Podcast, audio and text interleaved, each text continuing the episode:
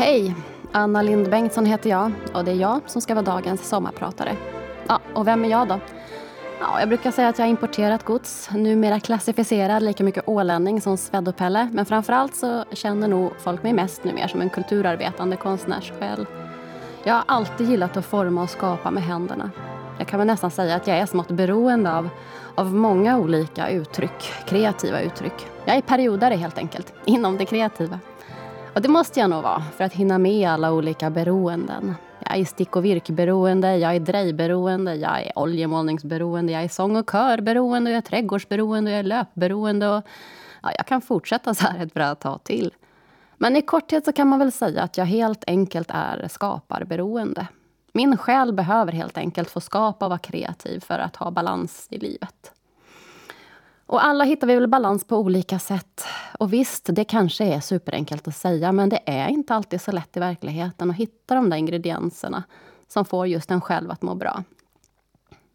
Men i en tid där vi blir allt mer digitala och skärmarna tar stor del av vår vakna tid så tror jag att vi som människor behöver kontrasten till det digitala för balans på ett eller annat sätt. Och det slår mig ofta vilken otrolig fördel vi har som bor på fina Åland mitt i allt detta vackra med skärgårdslandskap och kluckande hav och solvarma klippor precis överallt. Vi har ju verkligen alla förutsättningar kunnat njuta och hitta balans i livet. Fånga dagen var det någon klok som sa, för inte vet du hur många dagar du får. Lägg dig i gräset, titta på soluppgången, ta ett dopp i ett lite för kallt hav och lyssna på fåglarna. Fånga dagen och lev nu. Det är så enkelt men ändå så svårt. Välkommen till Sommarprat med mig, Anna Lind Bengtsson. Importerad och stolt ålänning. En kreativ, digital, strukturerad kommunikationskvinna. Och innerst inne en varm konstnärssjäl. Lev nu, dö sen. Tänk inte mer på morgondagen även om regnet bara öser. Har varit där på botten, ja det löser sig. Men hur hamnade jag på Åland då? Vad är anledningen till att jag har hittat hit? Ja, det är faktiskt lite taget som ur en saga eller ur en bok. Jag bodde i Köpenhamn. Jag hade precis avslutat mina studier på Handelshögskolan i Köpenhamn efter åren vid Uppsala universitet. Min magisterexamen i ekonomi låg i fickan. Och jag fick snabbt fast anställning för att bygga upp en marknadsföringsenhet vid ett större danskt bolag. Och jag köpte min egna första lägenhet på Österbro i Köpenhamn. Jag lärde mig danska och jag blev kvar i Danmark. Efter ett besök hemma i Stockholm så stod jag på Kastrups flygplats och väntade på mitt bagage. Det var en otroligt varm sommar, precis som, som vi har nu. Så jag reagerade lite när en kille hade skidutrustning med i bagaget från flyget från Stockholm. Samma kille så växlade jag även några blickar med när någon annan resenär lite stressat trängde sig fram till sin väska. Jag fick mitt bagage och jag gick till tåget in mot Köpenhamns huvudbanegård. Tåget var smockfullt och jag fick leta lite för att hitta en sittplats. Men det fanns en plats bredvid killen med skidorna. Det var nog meningen. Han är anledningen till varför jag hittade till Åland.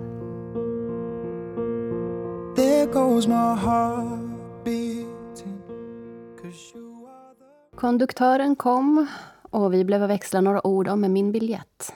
Jag vill minnas att jag hade köpt för många zoner. Killen med skidorna hörde nog min svenska accent i min lite halvtaffliga danska. Och vi började prata lite grann. Men det visade sig att han var från Åland. Ja, och skidorna, det var ju inga skidor. Det var ju fiskespön. Killen hette Tom. Han hade runda glasögon och page. Tågresan varade inte många minuter, men det var tillräckligt länge för att jag skulle få hans mejladress. Sen tog det förvisso några veckors velande, för jag tog mig mod och skickade ett mejl. Ämnesraden var kvinnan från flygplatsen. Vi bestämde en dejt och vi gick på bio. Och när jag den kvällen fick en hejdå-kram mitt på Ströget i Köpenhamn så kände jag att den där kramen, den var något alldeles speciellt. Den ville jag ha mer av. Och det fick jag. Tom, jag är jättetacksam för att jag delar mitt liv med dig och att jag fortfarande varje dag får de där varma kramarna. Du har alltid de kloka, goa orden när man som mest behöver dem. Och vi har alltid svårt att säga hej då, även om vi bara skiljs åt för några timmar eller dagar. Så nästa låt blir till dig. Men du får nog låtsas att de inte sjunger Arizona skies utan Ålandic skies. Use your imagination, darling. Arizona sky Burning in your eyes Det tog faktiskt bara några år så väntade vi vårt första barn. Ett riktigt kärleksbarn.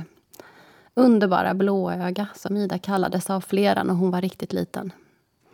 Vi bodde ett par år i Stockholm. Underbar lägenhet i Vasastan med högt i tak och stuckatur och smårutiga fönster.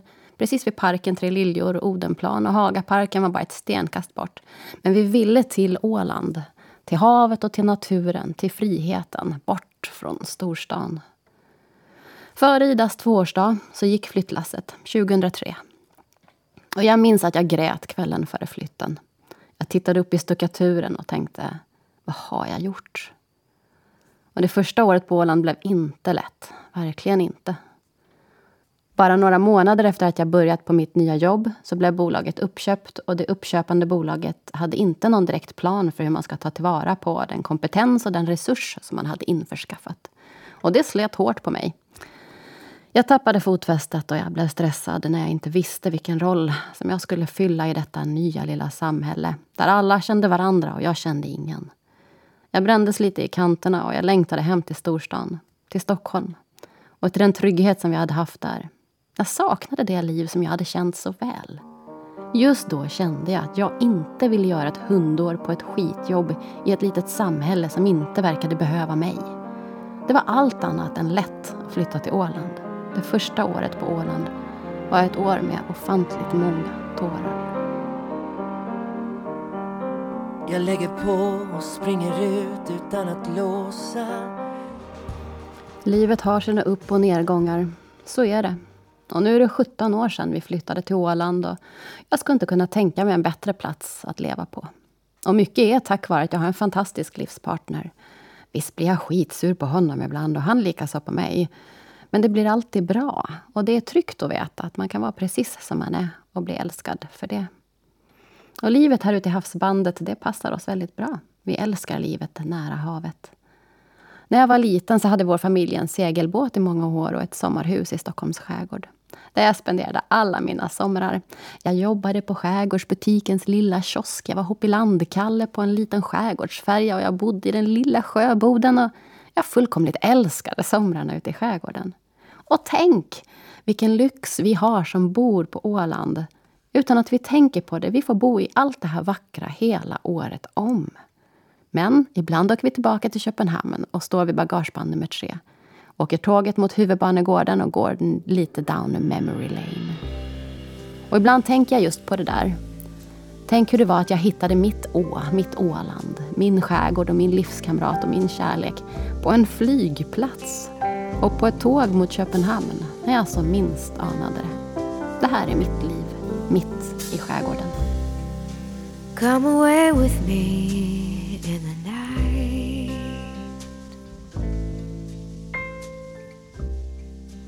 Ibland känns tiden i Köpenhamn och i Vasastan som ett annat liv. Idag har vi tre underbara barn. Ida, Love och Leo. Och vilken tur vi har haft som har blivit med tre så fina små människor. Världens bästa gånger tre. Jag är så extremt stolt över de här sköna lirarna. Den här våren som vi har haft nu har varit extremt utmanande. Inte bara på grund av corona, utan för att det värsta som kan hända en förälder är att det händer ens barn något. Att ens barn blir allvarligt sjukt. Och det var just det som hände den här våren. Ida fick en nervsjukdom, en ovanlig sån som jag aldrig hade hört talas om. Guillain-Barré, vilket skit rent ut sagt. Det börjar med stickningar i händer och fötter och leder upp till förlamningar i kroppen. Men vilken kämpe du är, Ida. Du är så otroligt stark. Minns alltid att om du klarade av det här så kan du klara precis vad som helst i livet. Det är inte många som tar sina studentprov på sjukhuset under övervakning av både läkare och lärare. Du hade inte sovit så mycket veckorna före och du tampades med en extrem nervsmärta. Och du åkte in akut till sjukhuset bara någon natt före studentskrivning, en av studentskrivningarna och du fick dropp. Men du grejade det. Du grejade studenten ändå, Ida, och det är helt otroligt. Så många nätter som jag knappt vågat sova den här våren. Och jag har tänkt att är det nu som förlamningarna går upp i lungorna? Det har varit skrämmande. Och som Ida så klokt sa i allt det här, när det var som jobbigast. Mamma, jag ska aldrig någonsin mer ta något för givet. Och det är ju så innerligt klokt. Det är bara synd att vi människor behöver drabbas av den här typen av potentiellt livshotande sjukdom för att vi ska bli tacksamma för det vi har. Att benen fungerar och att vi kan andas med våra lungor och att vi kan känna gräset under våra fötter. Livet kan ändras ofantligt snabbt. Det kan ta en helt ny riktning när man som minst anar det. Och det här kanske bara var kroppens sätt att säga att den behövde ta det lite lugnt. Men Ida, oavsett vad du och dina vänner, alla de nybakade studenterna än bestämmer er för att göra i framtiden, så hoppas jag att ni alltid vågar välja den väg som ger mest energi och som för stunden är mest intressant och rolig. För då blir du något bra i slutändan som du gillar och som ger dig energi. Och i juridiken som jag vet att du brinner för, den vägen, då ska du självfallet satsa på det. Men kom ihåg att det är ditt liv och kom ihåg att njuta av det. Du kan bli precis vad du vill. Omfamnat livet gav dig lite nya utmaningar som du i första hand behövde kraft för att ta dig igenom. Nu mår du mycket bättre och det rullade många tårar när du kunde kliva ur rullstolen och nu behövde inte ens kryckorna knappt mer. Precis lagom i tid så att du kunde gå fram och ta på dig din studentmössa. Den här våren har jag många gånger önskat att jag kunde ge dig all den kraft som du har saknat. Ta ett steg i taget och våga lita på att det leder fram till något fint till slut. Du är fantastisk. Extra jobbigt blir det ju självfallet när det är flera som står en nära som är sjuka och saknar kraft samtidigt. Oavsett om livet är kämpigt eller om livet leker så är alltid de kreativa uttrycken viktiga för mig. Och jag tror att jag till stor del har min pappa att tacka för det. Pappa, dina år som keramiker de var inspirerande och de var häftiga.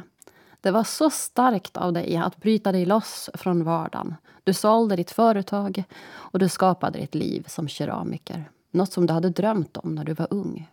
Det var så modigt av dig att hoppa ut ur ekorrhjulet. Så imponerande. Men det är inte bara intresset för keramiken som jag fått i arv från dig. Du har inspirerat mig så på otroligt många sätt. Du satt vid pianot, du lirade ukulele och du byggde nyckelharpa. Du har målat tavlor och du byggt vackra skåp. Ja, du, har, du har alltid visat kärleken till det kreativa livet. Och vilket skräp det är, rent ut sagt. Att just du måste tampas med en elak cancer som man nu varken kan bota eller ta bort. Mina föräldrar bor på Österlen i Skåne. Och det har alltid varit svårt att ha dem så långt bort. Men den här våren, när vi har varit isolerade på varsitt håll, så har avståndet känts så otroligt mycket längre. Oändligt. Pappa, jag vet att en av dina favoritsånger är Gabriellas sång. Och jag vet att du gillar när jag sjunger den. Men tyvärr så fick jag av upphovsrättsliga orsaker inte spela versionen när jag sjunger den i radion. Så du får nöja dig med sång av Helene Sjöholm istället. Du lyssnar på Sommarprat i Ålands Radio och jag som sommarpratar idag heter Anna Lind Bengtsson. Det är nu som livet är mitt Det är kämpigt när någon man älskar är sjuk. Men det är också otroligt lärorikt. Man lär sig en del om sig själv. Det är en extremt bra lektion i att tvinga sig att tänka positivt. Man lär sig att värdera vad som är viktigt, på riktigt viktigt. Ju äldre jag har blivit så, så tror jag att vi blir vad vi tänker. Tänker du hälften kvar eller hälften borta? Om, och om man hamnar i det där negativa så får man ju innerligen hoppas att de som älskar en är där och fångar upp en och kramar om en. För visst är det okej. Okay. Och visst är det viktigt att känna att det är okej okay att inte må bra också. Men jag tror samtidigt att det är jätteviktigt att man inte fastnar i en olycklig negativ spiral. Hur många gånger har man inte själv bara tänkt på allt som är fel och allt som skaver och gör ont? Och det är precis då som man måste komma ihåg att man är bra precis som man är. Inte låta små onödiga ting och händelser äta upp en inifrån. Man behöver inte gå omkring och skratta jämt. Det är inte så jag menar. Men jag tror verkligen att vi är alla vår egen själs bästa kock och det är bara du som bestämmer hur du vill må. Kan vi inte alla tillsammans resten av dagen, oavsett vad vi än företar oss på våra olika håll och kanter, göra det med samma självkänsla som en fyraåring som leker Superman? Ni vet, jag är stark, jag är fantastisk, jag klarar allt. Den känslan liksom. Nästa låt som jag tänkte spela så hade jag förmånen att få vara med och sjunga i finalnumret av årets idrottsgala på Alandica i en kör på åtta personer. Så backade vi upp en fantastisk sångerska. This is me. En sång som handlar om att vi är perfekta, precis som vi är. Var stark i att vara dig själv. I am not a stranger to the dark Hide away, they say we don't want your broken parts Det här med att sjunga, ja, det är något som jag gärna gör. När jag var yngre så sjöng jag mycket. Jag var en av två solister på Graduation i USA när jag var utbytesstudent i Chicago som 17-åring. Jag sjöng i kyrkokör och i skolkör och ja, glädjen till sången har alltid funnits där. Men allt har sin tid och i många år så sjöng jag mest hemma i köket när jag lagade mat och ingen annan var hemma. För några år sedan så sökte jag som solist när projektkören skulle sätta upp Lejonkungen. Jag fick ingen solistroll. Några år senare så skulle samma kör sätta upp Queen och jag sökte till solistroll igen, men nähäpp, inte den här gången heller. Men den gången så blev jag reserv till solisterna och det var mer än fantastiskt roligt. Jag gick med i kören och jag slet dubbelt upp. Jag övade både sopran 2-stämmorna och soliststämmorna. Och jag var redo. Extra scenkläder låg i en kasse vid scenkanten och jag var redo att hoppa in. Inte för att jag vill önska någon annans olycka, men lite ont i ett ben eller en liten förkylning eller en släng av migrän, det kunde jag ju liksom inte hejda mig att önska de fina solisterna. Men alla solister höll sig friska. Men körlivet gav så mycket kärlek, så jag fortsatte i kören och insåg att det är ju själva kören som ger mest energi. Att få träffa alla de här underbara människorna med så olika bakgrunder med en gemensam nämnare, sången. Och det är ju så häftigt med en kör som har över hundra medlemmar och som gör så udda, häftiga projekt med både band och solister och dansare och ja, hela kittet. Det blir såna fantastiska shower när den här kören drar igång. Nästa låt är en av dem som jag var solistreserv på. En fantastisk låt av Queen. Jag minns ännu vilken känsla det var att få sjunga just den här låten på körövningarna. Damn, Valle, varför var du tvungen att vara frisk precis alla konserter? Nej, jag skojar bara. Vilken underbar kör det här är. Och vilka människor. Vilken kärlek.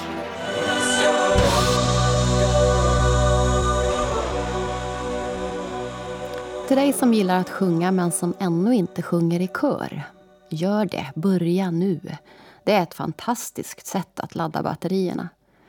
Idag sitter jag i körens styrelse och det är med ett sant nöje att göra så. Om jag på något sätt kan bidra till att andra ska få lite av samma energi som jag själv får när jag träffar kören, ja, då gör jag mer än gärna det. Och jag måste också passa på att ge en eloge till vår körledare och dirigent Johanna Grüssner. Det är få människor förunnat att kunna gå in i ett rum och ge så mycket positivitet till så många på en och samma gång. Hon har ett unikt sätt att ge kritik som aldrig låter som om att man gör fel utan hon betonar liksom det som gör utmaningen till en utmaning. Och så jobbar man därifrån. Något som man kan lära sig av, tänker jag, i alla roller man har i livet. Som mamma, och som kollega, och som vän och som partner. Nå, när kören skulle sätta upp Elvis, envis som jag är, så sökte jag som solist igen. Men nähä då, inte den här gången heller. Men jag övade ändå in alla soliststämmor jag kunde bistå att sjunga på övningarna i den mån som någon solist inte hade möjlighet. Ja, det är ju lite givet nu att vi tar en Elvis-låt, eller hur? Och vi ska ta en av dem som kören hade fantastiskt roligt att göra tillsammans. Och om jag får säga det själv så är körens version nästan bättre än originalet. Alla ni från kören som nu lyssnar, ni kommer väl ihåg koreografin? Fyrverkerierna över Stalldala, de stående ovationerna från publiken. Ställ dig upp, nu kör vi! Den här våren med alla dess utmaningar som vi har haft med sjukdomar och isolering och karantän, den får mig att tänka tillbaka lite jag tänker på en kundföreläsning med Kristin Kaspersen som jag var med och ordnade på det företag som jag då jobbade på. Hon utmanade sig själv att tänka positivt. Hon skulle göra ett maraton utan en enda negativ tanke. Så fort tankarna aj vad det svider i benen eller hur ska jag klara det här? Så fort hon tänkte det så tvingade hon sig att ställa om sitt fokus på något positivt. Utsikten där framme, de vackra omgivningarna, barnens hejarop och sådär. Men så försöker jag också göra nu mer. Jag tvingar mig att tänka positivt. För jag tror någonstans att jag kan lura min hjärna att tro att den är glad. Även om allt verkar mörkt. Men det är lättare sagt än gjort. Och den här våren har vi verkligen försökt tänka positivt trots utmaningarna. Och man måste hela tiden påminna sig om att det kunde vara mycket värre. Har man inställningen den här, det här grejar vi, då får man styrka.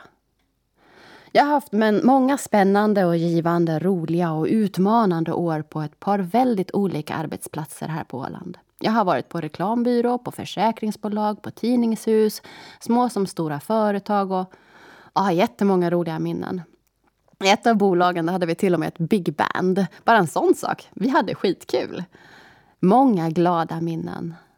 Men också en del inte fullt så glada. Men det tänker jag inte berätta. Inte här och inte nu. Men ett viktigt medskick vill jag ändå göra. Om du där ute som lyssnar mår dåligt på din arbetsplats eller i den miljö som du befinner dig. Om du har en kollega eller en chef som gör att du inte mår bra. Spring därifrån. Det är inte värt det. Du är värd bättre än så. Våga ta steget och byt miljö. Det kan vara svårt att ta beslutet. Det är svårt att hoppa. Men gör det, för livet är alldeles för kort. Det finns gränser för hur mycket en människa ska behöva ta emot. Alla relationer i livet handlar om att ge och ta. Ett utbyte av erfarenheter och klokheter och glada miner. Likaså i dina jobbrelationer. Våga stå upp för din rätt och anmäl om så behövs. Du ska inte behöva gå igenom det ensam. Och en bra arbetsplats hjälper dig som är utsatt. Jag har tyvärr haft erfarenheten av en tidigare arbetsplats där man inte hjälpte de utsatta. Och då lämnar folk platsen och bolaget tappar viktiga resurser. Ett bra ledarskap för mig handlar om hur du får andra människor att må så bra som möjligt. Att de skapas förutsättningar att prestera så bra de kan. Ledarskap är att föregå med gott exempel, skapa så goda team och relationer som möjligt och att se människan. Som ledare ska du visa vägen fram genom att bygga andra. Det handlar om att ha två öron och en mun. Det lönar sig alltid att vara en bra medmänniska. En god jäkel, helt enkelt. Då vinner man i längden och kan alltid bära med sig känslan av vinst i hjärtat. Guarda fuori già mattina. Questo è un giorno che ricorderai. Alzati in fretta. Bocelli och Carola, vilket par! Helt otroligt. Jag får gåshud. Har jag svårt att hitta fokus en stressig arbetsdag så får alltid lite Bocelli i öronen mig att hitta fokuset igen. Han är faktiskt en av mina bästa kollegor, men det vet ju inte han om. Min mamma arbetade på tv och tidningar när jag var barn. Rapport, Aktuellt, Moderna Tider och så vidare. En dag sa hon, i kvällarna så ska du följa med till mitt jobb. Carola kommer dit och du kanske kan hinna träffa henne. Och det gjorde jag. Jag var väl typ åtta. Carola hade precis slagit igenom och jag fick sitta i hennes knä på mammas jobb. Vilket minne och vilken röst. Och hon är än idag en otrolig sångerska. För mig så går musik och målande hand i hand. När jag målar och skapar så gör jag det ofta utifrån en, ett stycke musik eller en känsla. Det kan gå långa perioder när jag inte har lust att måla.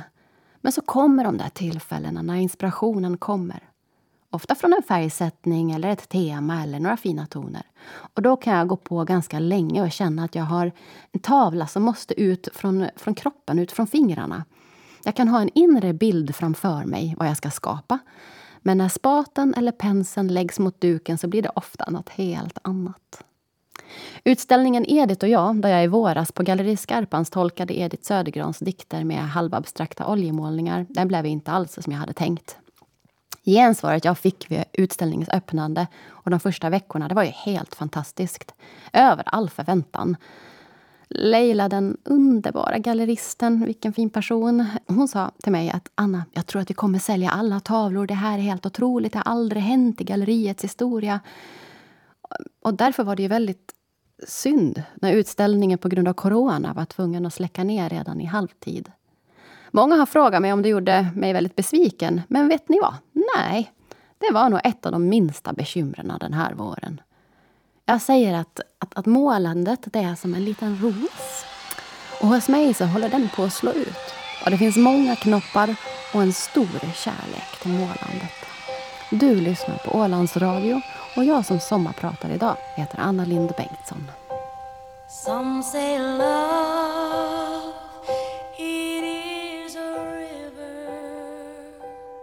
Jag hoppas nog att jag genom mitt skapande kan inspirera andra att vara kreativa. Det kan vara väldigt berikande på så många sätt. Och när stunden när någon säger Wow, vad fint och vilken känsla och den där tavlan måste bo hemma hos mig. Det är som näring och som bränsle.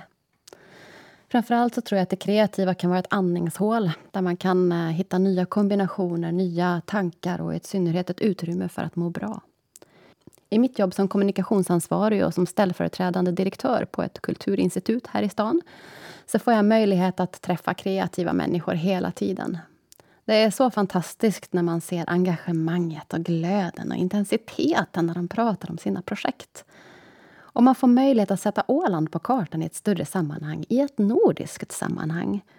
Att knyta ihop alla olika kreativa själar, det är så berikande när man ser vad det ger. För många är det kreativa en helt ny värld som är obekant. Och jag imponeras av er alla som vågar kasta er in i det, för det innebär utmaningar och uppoffringar. Att våga sig in i, ge sig in i nya världar överlag, det är modigt och det är starkt. Nästa låt får därför bli just i en helt ny värld, som mina barn också gillar mycket. Och som vårt yngsta barn, Leo, så fint sjöng med sin syster under våren. För att få henne att orka igenom all smärta som hon var tvungen att ge dem lida. Vi lyssnade på Frost och vi andades tillsammans genom verken med henne så att hon skulle orka. Leo, gullevännen, den här låten blir till dig. För jag hoppas att du alltid kommer att ha ditt stora hjärta kvar som tar hand om alla på ett sånt underbart sätt. Du är både vår lilla terrorist och humorist och lilla guldlock. Du är så fantastisk på alla sätt. Du är helt underbar. Jag hör dig, men säger nej bara bekymmer om jag hör på dig. Ibland möter jag folk som tycker att det kreativa är kladd och onödigt tjafs. Jag tror något helt annat. De människor som har nära till hands att koppla på den kreativa delen av hjärnan ser lätt nya mönster och har enklare att tänka utanför boxen. De ser helheter och lösningar som inte andra ser. Man kanske kan attackera problem på nya sätt. Man kan släppa loss känslor och få utlopp för åsikter och passion och påverka andra genom ett kreativt förhållningssätt i mycket. Och så tror jag även att man blir, kan bli ödmjuk inför att olika personer löser problem på olika sätt. Förvisso behöver inte alla konst för att kunna göra det här. Men jag tror att det kan vara nyckeln för många. För mig är det så. Näringslivet kan gott behöva lite mer konst, lite mer kultur och kreativitet. Inte bara för att personalen ska må bra och som teamövningar. Utan jag tror att entreprenörer och konstnärer har mycket gemensamt. De vågar kasta sig ut i nya äventyr för något som de tror och brinner för. Entreprenörer simmar ut på djupt vatten för en tanke, en kreativ idé. De beger sig ut på okända hav. Ja, det är starkt. Nästa låt är en otroligt fin låt som jag känner tar fasta på upp och nedgångarna i livet. Om vi verkligen är lyckliga i den moderna värld som vi skapar. Att vi hela tiden önskar mer och vill ha förändring fastän vi egentligen borde stanna upp och vara glada för det vi har. Vi blir inte mer lyckliga för att vi har mer. Tell me something girl Are you happy in this modern Konstigt vore det om vi som bor här ute i skärgården inte blir och funderar lite extra över det hav som omhuldar oss. Hur det verkligen mår. Allt vad vi gör påverkar vår miljö. Men man är bara människa och man kan inte göra allt. Men alla kan göra något. för vår miljös skull. Jag utmanade mig själv för ett och ett halvt år sedan med att sluta köpa nya kläder. Begagnat, helt ekologiskt eller kläder av återvunnet material, det är okej. Okay. Det var knepigt i början. Och utmaningen var ett halvår till att börja med. Men sen blev det mer tid och nu har det gått ett och ett halvt år och utmaningen har snarare blivit till en självklarhet. Och för varje beggat plagg jag köper så ska jag även göra mig av med ett annat. Men utmaningen gäller mig själv. Och inspirerar jag någon annan att göra något liknande så är det väl toppen, tänker jag. Så med det sagt så skickar jag den här utmaningen vidare till alla er som lyssnar. I den mån det är möjligt, köp begagnat eller återvunnet. Och när du ska köpa något, fundera igenom vad det är du verkligen behöver. Då kanske det lokalt producerade hantverket är att föredra istället för massproducerade tallrikar som skeppats hit i stora containrar. Om vi hela tiden tänker på havet, på vår omgivning, då blir valen så självklara. Nästa låt handlar om det här. Men den handlar också om att alltid våga ta sin egen väg, att stå stark, att våga segla mot strömmen.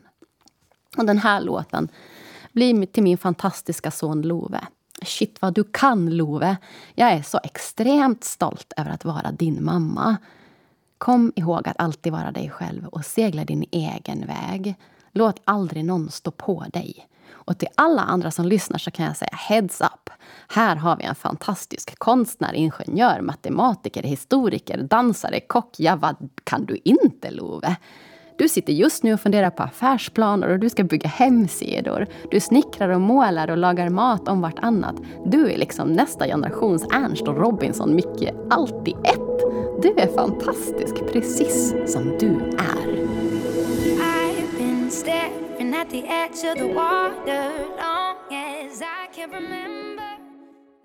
Men egentligen så har vi ju inte bara tre barn, jag och Tom. Vi har ju en bebis till. Mm, och då tänker jag inte på katten Ella jag tänker på vårt lilla safariäventyr. Ja, det är ingenting som vi tjänar pengar på. Tvärtom, det bara kostar oss pengar och tid. Och det kom sig genom att Tom på en resa till Afrika för många år sedan träffade en fantastisk guide, Moses, som drömde om en mobil campingsafari där man kunde komma nära djuren till det riktiga Afrika. Och den drömmen har vi sedan dess försökt hjälpa till med. Och det gör vi genom att bistå med marknadsföring och reseplanering och kundkontakter och support och safarifordon och och sådär. Och jag ska inte alls ta åt mig äran här, utan det är mest Tom som sitter kvällar och helger med detta. När jag sitter och stickar och målar eller drejar. Men jag känner ändå en stolthet i att vi med vår tid bara ändå kan ha varit med för att skapa förutsättningarna för en bra arbetsgivare i Botswana. Som ganska många familjer nu får sitt levebröd igenom. Även om det just nu inte är så många som reser.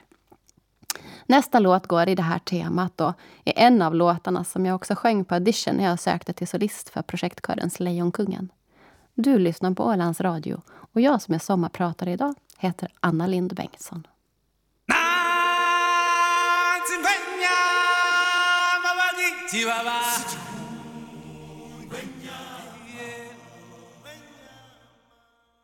Det är inte helt ovanligt att folk undrar hur hinner du med allt? Ett krävande heltidsarbete som ofta är mer än heltid.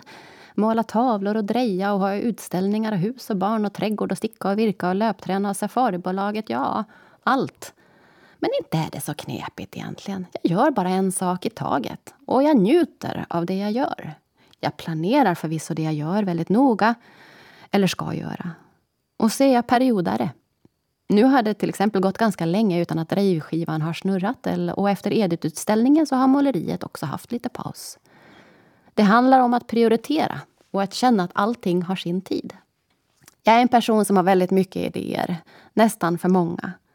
Men jag vet också att när det sen kliar som mest i fingrarna för att skapa då kommer jag att ha varenda ledigt tillfälle på dygnet för att göra just det. När barnen har somnat, före alla andra vaknar, när ingen är hemma, när grabbarna ser på sport.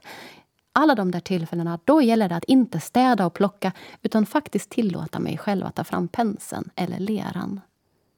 Just den här våren så har jag samlat inspiration av situationen som sådan. Att plötsligt ha ett väldigt sjukt barn, att inte kunna åka till sina föräldrar, att få sitta i växthuset under vindruvsklasen och dricka kaffe med min pappa som tampas med sin cancer. Det kanske låter hemskt, men de här tunga delarna i livet, de ger också inspiration. Och att uttrycka känslor med handen, det är frigörande. Och det häftiga är att en tung känsla behöver inte bli en mörk och dyster tavla. Tvärtom. När jag har varit som mest ledsen i livet då har jag skapat de mest skira och ömma verken. Släkt och kärlek på avstånd, ja det är ju många som har fått tampas med det den här våren. Och en sång i det här sommarpratet känner jag måste ägnas till just det. Och vi får komma ihåg att det kommer en tid igen när vi kan kasta oss på båten och tåget för att ses. You can reach me by railway Kanske är det händelserna i varje människas liv som formar vad man tänker och hur man resonerar. Jag tror det. Och Det är just därför som man ibland bara inte kan förstå hur någon resonerar som de gör. För vi har alla så olika erfarenheter och vi resonerar från olika perspektiv. Jag tror på ödmjukhet, etik och moral i arbetslivet. Jag tror att kreativitet är viktigt för livsbalans och som drivkraft. Jag tror att konstnärer och entreprenörer har mycket gemensamt. Jag tror på att få stå upp för barn som mobbas och för de som är svaga. Jag tror på att allt kommer att ordna sig. Jag tror på att ta en sak i taget. Jag tror att det alltid lönar sig att tänka positivt. Och jag tror på att måla livet med alla färger man kan, den lilla tid man har.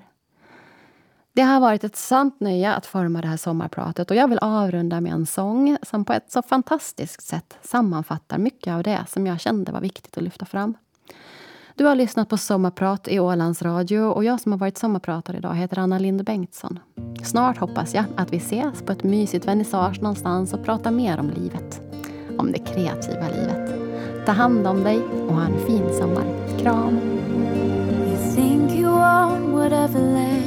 you land on. The earth is just a dead thing you can claim.